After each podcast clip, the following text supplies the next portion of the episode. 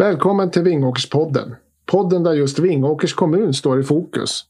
Och där du kan höra de som bestämmer berätta vilka de är och varför de bestämmer det de gör. Och framöver även intressanta företag och föreningar. Men även andra intressanta människor och personer som vill delge sina intressanta liv och funderingar kring Vingåkers kommun. Och det är jag, Stefan Granetin Westin, som är den som kommer att vägleda dig genom detta. Med min podd Vingåkerspodden. Varmt välkommen!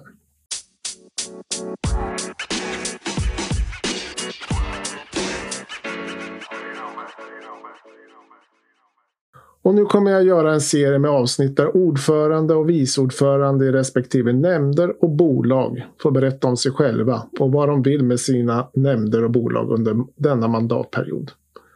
Detta avsnitt besöks vi av Camilla Tiredal, vice ordförande i socialnämnden i Vingåker, där hon får presentera sig. Välkomna! Nu kör vi!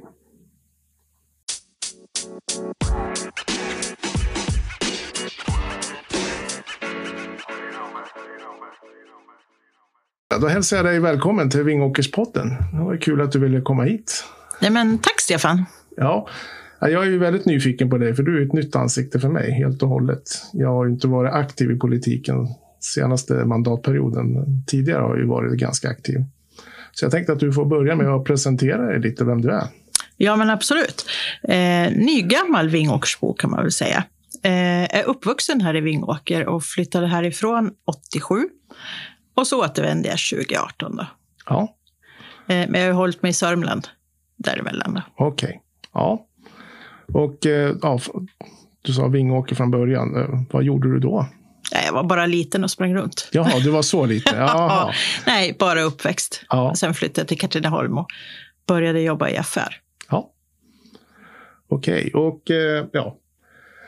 Då behöver jag kanske inte ställa frågan varför det, du är politiker i Vingåker nu. Men du flyttade tillbaka 2018 sa ja, du. precis. Och var det för politiken du flyttade tillbaka eller blev hemlängtan? Nej, det var faktiskt mina hästar. Jaha. det var så att min man då hade hittat en gård som gjorde att jag kunde ta hem min häst och ha den Jaha, eh, så där, du är där. en hästtjej? Hästtjej, ja, precis. Ja. Jag är gift med en hästtjej. Då vet du vad det innebär. Ja. Speciellt för plånboken. Ja, och tid. det är mycket som ska göras. Ja, men eh, hur blev du politiker då? Eh, egentligen så tror jag det började med mitt fackliga uppdrag. Eh, 91, när jag var föräldraledig, vart jag vald till skyddsombud. Så där kan man nog säga att det var själva starten. Eh, mina föräldrar var helt opolitiska. Jag har aldrig haft några vänner som har varit politiskt intresserade när jag var liten. Då. Eh, jag har inte varit med i SSU. Jag har nog en ganska ovanlig bakgrund kanske. Eh, utan det var den fackliga vägen helt enkelt. Jag började som skyddsombud och sen var det klubben och så var det avdelningsuppdrag. Och sen var jag så irriterad på att politiker inte kunde veta hur många barn som föddes i Katrineholm. Jag tänkte, hur svårt kan det vara? Man stängde skolor, man byggde nya skolor, man öppnade dagis och stängde dagis, anställde dagmammor och sa upp dagmammor. Så jag tänkte, det här är ju inte klokt. Nu måste jag liksom ta reda på mera. Varför är det så här? Och då eh, Röd har jag alltid varit. Mitt hjärta är rött, ja. riktigt rött. Det var ingen tvekan om vilket parti så. Eh, utan det var ju Socialdemokraterna. Ja. Och då tänkte jag att jag ska bara fråga. Jag ska bara liksom så här höra varför det är så här, så att jag skulle få en förklaring. Och då var det ju så att vi har en plats ledig. Barn och, barn och utbildningsnämnden heter det då. Eh, ja, då kan man inte säga nej. Frågvis, ung, envis. Ja. Helt oförstörd. Fick du svar på din fråga då? Ja, faktiskt. Ja, vad var problemet? Att det var mer faktorer som spelade in än bara hur många barn som föds. Det var inte så lätt. Det, det handlar ju mycket om hur skolornas skick, vart någonstans barnen föds, hur många som flyttar ut. Så det var komplext. Ja, det är ju det man inser när man blir politiker. Ja. Ofta så brinner man ju för en fråga. En det var ju skolfrågan mm. som fick in mig i politiken också. Men ja. sen inser man ju att... Så mycket mer. Ja, det är väldigt mycket. Så då hade jag fyra år där när vi la ner skolor. Så det var ju en rockig start. Men jag var fast. Och jag kände att jag ville verkligen vara med och förändra och förbättra för Katrineholmsborna var det ju då. Ja. Och har det varit barn och utbildnings frågor hela tiden då, eller? Nej, jag satt faktiskt bara en mandatperiod i, i den nämnden. Sen flyttade jag över till socialnämnden i Katrineholm. Då. Eh, och kanske också lite av en händelse. Jag har ju alltid jobbat inom industrin. Jag har ju aldrig jobbat inom omsorg eller vård. Så att jag tyckte att det var en bra mix. Att, att få se, jobba med lite mjuka frågor och människor. Då, I och med att jag alltid har jobbat i ja, en ganska mansdominerad eh, 7 till 4, kanske inte så mycket nu 7 till 4, men skiftgående i alla fall. Ja, industrin nu för tiden ja, är väl mycket skift. Precis. Men en, en helt annan arbetsmiljö och en helt annan värld skulle jag vilja säga. Så då tyckte jag att socialnämnden var ett, en, ett bra sätt att bredda sig helt enkelt. Då. Ja, och vad var det för viktiga frågor som du upptäckte där? Ja, barn förstås. Barn som far illa. Ja. Eh, barn som kanske inte får den bästa starten i livet. Att verkligen försöka se till att de får en, en andra chans. Kände du då att det du hade gjort i barn och utbildningsnämnden hjälpte till? Ja, men absolut. Och samarbetet däremellan. Att skolan kan ju många gånger fånga upp väldigt mycket saker som vi i socialnämnden sen var skyldiga att ta hand om helt enkelt och hjälpa till. Så att ett, ett bra samarbete mellan de två nämnderna är ju önskvärt skulle jag säga. Det är inte lätt för det är naturligtvis sekretess och sånt som kommer emellan. Men, men barnen är ju vår framtid. Ja, så när du flyttade nu till Vingåker, då kändes det naturligt då att det var socialnämnden i Vingåker också som, som du nu sitter som vice ordförande för? Då skulle jag inte vara politiker längre. Nej. Däremellan så hade jag haft ett litet avbrott i politiken och flyttat till Eskilstuna under ett halvår. Okay. Eh, kär och galen i 50-årsåldern, då tänker man ju att nu, livet ska levas nu. Så jag kastar mig iväg till Eskilstuna och gifter mig och, med den absolut underbaraste mannen i hela världen. Eh, och då släppte jag politiken, för jag tänkte att nu ska jag bara vara facklig och så ska jag satsa på min häst och så ska vi bara ha det bra. Men nu har ju han bakgrunden i politiken också, så att det gick väl sådär kanske. ja, det var så jag släppte politiken. Med. Jag, ja. jag hittade ja, min nuvarande fru och, mm. och sen blev jag ju småbarnsförälder dessutom, så att vi har en sexåring hemma. Så ja. Man har inte riktigt tiden. Det tar tid. Ja, ja det måste ta tid. Mm. Det är mycket handlingar att läsa. Och jag antar att socialnämnden är ja, extrem. Extremt mycket utredningar att läsa. Ja. Mm. Men som eh, vice ordförande, då sitter du med i utskottet förstås här i Vingåker. Ja. Känns det som ni har ett bra samarbete, du och Anna, Anna. Leijon? Ja. ja, det har vi. Eh, hon har ju ingen erfarenhet från den nämnden, så att eh, vi har ju haft ett mycket gott samarbete tycker jag. Ja, ja för det är ju viktigt att ja det funkar. Så det är ju Vingåkersbornas bästa. Vi måste ju se det först. Ja. Och det är ju en myndighetsnämnd, jag skulle säga. Till 95 procent är det myndighetsutövning. Vi har inte speciellt mycket som vi kan bråka om, skulle jag vilja säga. Vi har inte kommit dit än i alla fall. Det skulle vara besparingar sen möjligen. Där kanske vi har lite olika ja, ingångar. Ser man hur budgeten ser ut framöver så ja. är det väl stor risk för att det kommer att bli Tufft, sådana ja. frågor. Mm. Och där kanske det kommer bli en skiljelinje. Men ja. annars så har vi ett gott samarbete. Ja, det är skönt att höra. Ja, vi har ju även Caroline från Centern med i utskottet. Där. Ja. Men eh, då tänkte jag, du pratade om sekretess förut mellan nämnder. Mm. Jag vet ju att eh, förra ordförande Robert Skoglund, våran, eller kompis i partiet, mm. han pratade ju mycket om det där att man behövde öppna upp det. Hur ser du på den frågan? Med sekretess mellan barn och utbildning mm. och socialnämnden? det är, jag, har inte, jag ska inte säga att jag är något proffs på det där, men det skulle ju kunna snabba på saker. Idag blir det väldigt långa handläggningstider för att det ska jobbas på olika håll. Och sen om... Ja, jag vet inte. Jag tror att tjänstemännen på de olika nämnderna skulle ha nytta av om det var mindre sekretess. Sen kanske inte vi politiker behöver veta precis allting, men just för tjänstemännens skull skulle det underlätta många gånger. Ja. Eh, nej, det är svårt. Alltså, den personliga integriteten är ju viktig också naturligtvis. Ja, det där är jättesvårt. Ja. Jag, har, jag, har, haft mycket funderingar kring sekretess, ja. men eh, ja, i min värld så är barn det viktigaste.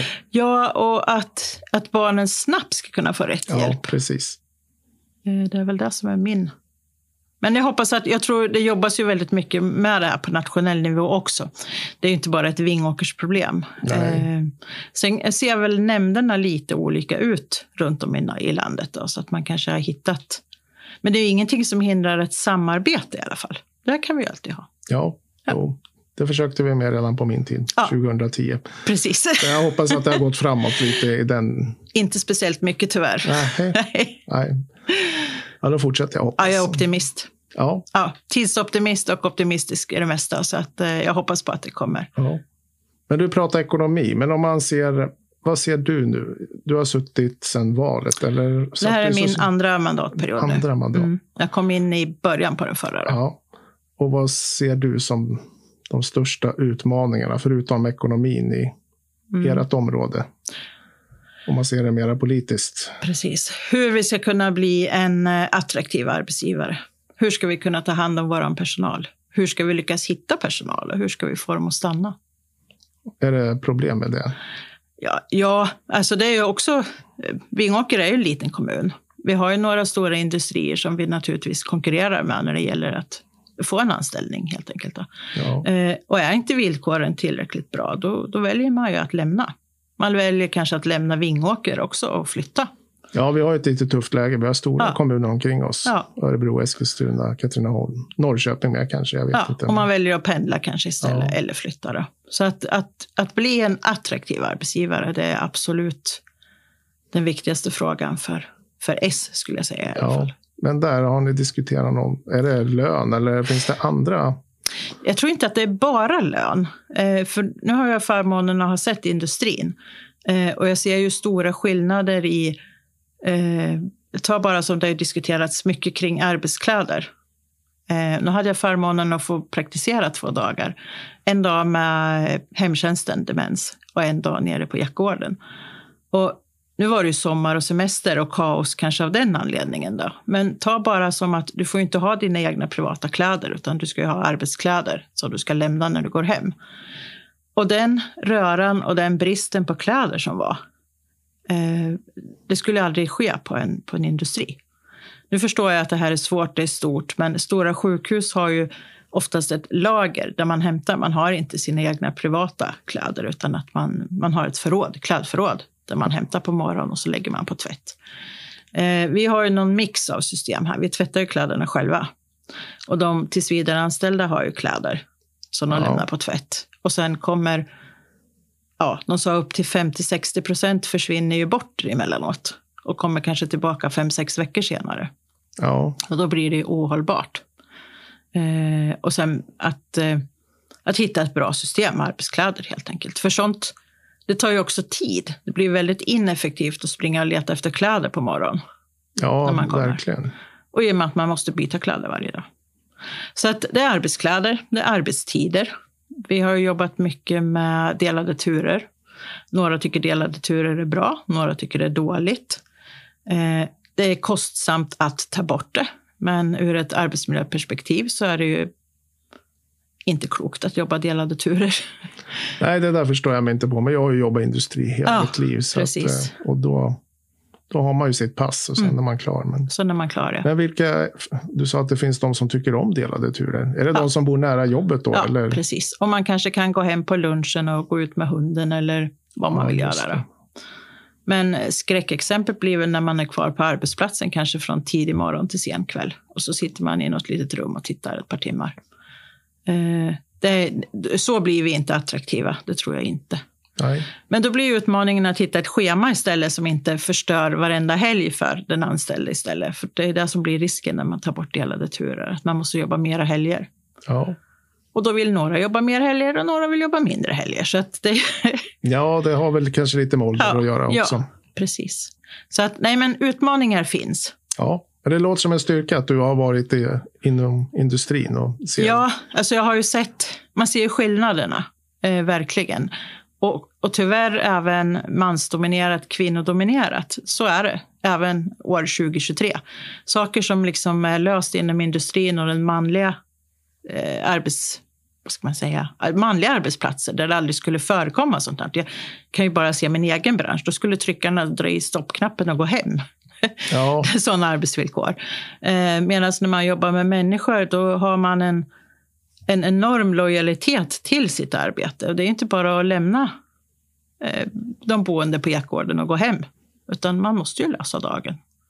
Ja, det är ju en helt annan... Ja arbetsmiljö skulle jag ja, vilja säga. Så där har vi, arbetsmiljön måste vi jobba med helt enkelt. Det är ju den som är ja. en anledning till om man väljer att jobba kvar eller sluta också. Och att man orkar jobba tills man fyller, ja vad ska 67 man vara då? Ja, 65, 67 någonstans ja. i alla fall.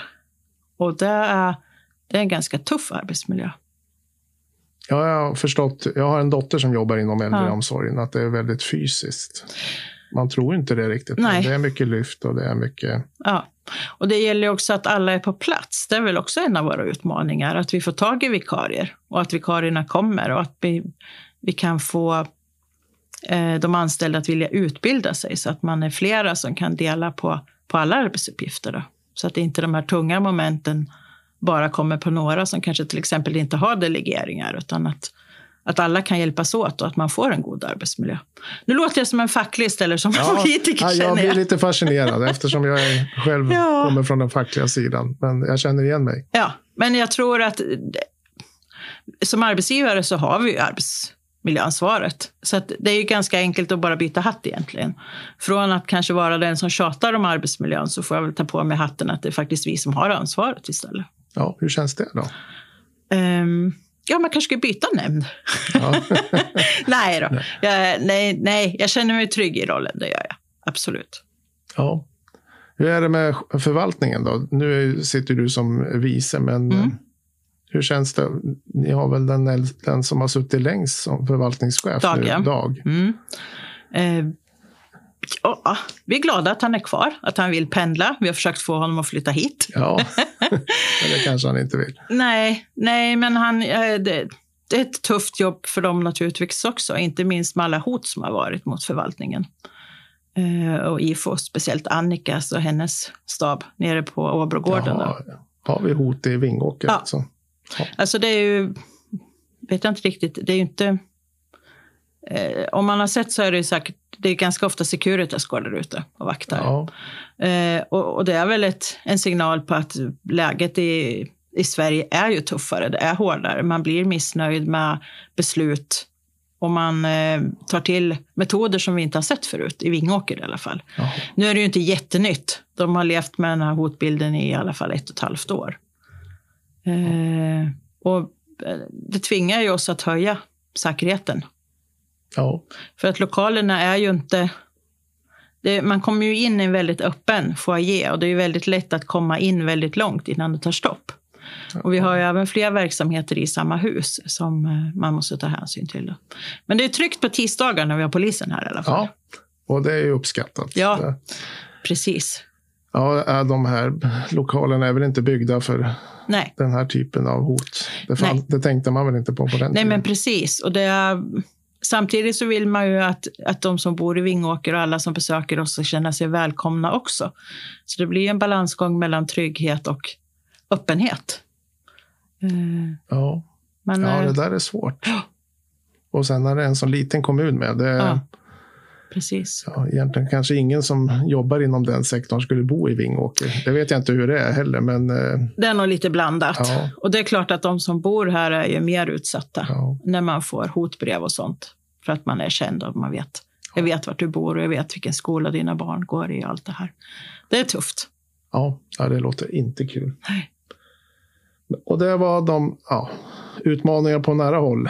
Ja. Fackligt och lite så. Men om du tittar längre bort då? Om eh, tre och ett halvt år, då tänker jag väl att du känner att mm. då vill du vara ordförande. Precis. Och jag lär under tiden. Ja. Mm. Men vad ser, hur ser du så, ja, socialnämndens område om fem år då? När du har suttit ett halvår som ordförande. Ja. Hur det är lite spännande för vi, vi står ju nästan lite inför, vi har ju Videdakt som kommer försvinna. Eh, och hur man ska göra med vuxenutbildning, hur man ska göra med försörjningsstöd och allt det här. Liksom. Om man ska dela upp nämnden i två eller om det ska vara en nämnd eller eh, hur ser invånarantalet ut? Ser det ut att öka, minska? Just nu är det lite kräftgång. Eh, ja, så, jag har sett det. Ja, det är många faktorer som spelar in, men det finns, det finns ju fördelar med att dela och det finns fördelar att hålla ihop det. Eh, men vi får nog inte bli en mindre kommun då, för då blir varje enhet väldigt liten och det blir svårt att hålla ihop eh, själva förvaltningen. Då. Vi politiker kan ju anpassa oss, men... Ja, precis. Men eh, ja, nej, ja. Jag, jag, får nog säga pass. Jag får återkomma till ja, dig om absolut. fem och ett halvt år. Ja, här och se. Du kommer nog ha suttit här innan dess och diskuterat olika förslag som ni ja. kanske inte ens... Jag hoppas ju att ni kanske inte alltid bara är sams, utan... Jag tror att smekmånaden kanske snart är slut. Ja. Ja. ja, jag vill ju inte ha för mycket. Nej. Men jag har ju tänkt att fortsätta med den här podden. Ja. Ja, eh, då har jag egentligen bara en sista fråga som jag har till alla. Finns det någon du skulle vilja att jag försöker få med i podden? Och är det någon speciell fråga i så fall? Jag skulle ställa till den personen eller företag eller vad det nu är. Ja, jag tänkte faktiskt på det på vägen hit. Jag tycker det skulle vara intressant att träffa våra företagare. Ja. Eh, stora som små. Eh, jag har ju varit med på den här frukosten när vi var nere på Silver och stål. Och de har ju faktiskt massor att berätta från ett helt annat perspektiv. Ja. Eh. Och då är det lite större företag du tänker på? Ja, eller eh, hitta frivilliga kanske som ja. vill, ja. vill vara med ja, också. Ja, precis. Jo, det, så är det. Och kanske bönder. Det finns ju ganska mycket bönder här runt omkring. Jag pratade med vår granne igår. De har ju riktigt tuffa utmaningar nu. Är det inte krig så är det pandemi. Och är det inte pandemi så är det väder. Ja, det är torka eller regn. Ja, ja. precis. Så nej, men det skulle vara intressant. Ja. Jag kan inte komma på någon specifik nej. Jag får se vad jag ja. kommer fram till. Precis. Hittar. Men då tackar jag dig Camilla så länge. Tack själv. Ja.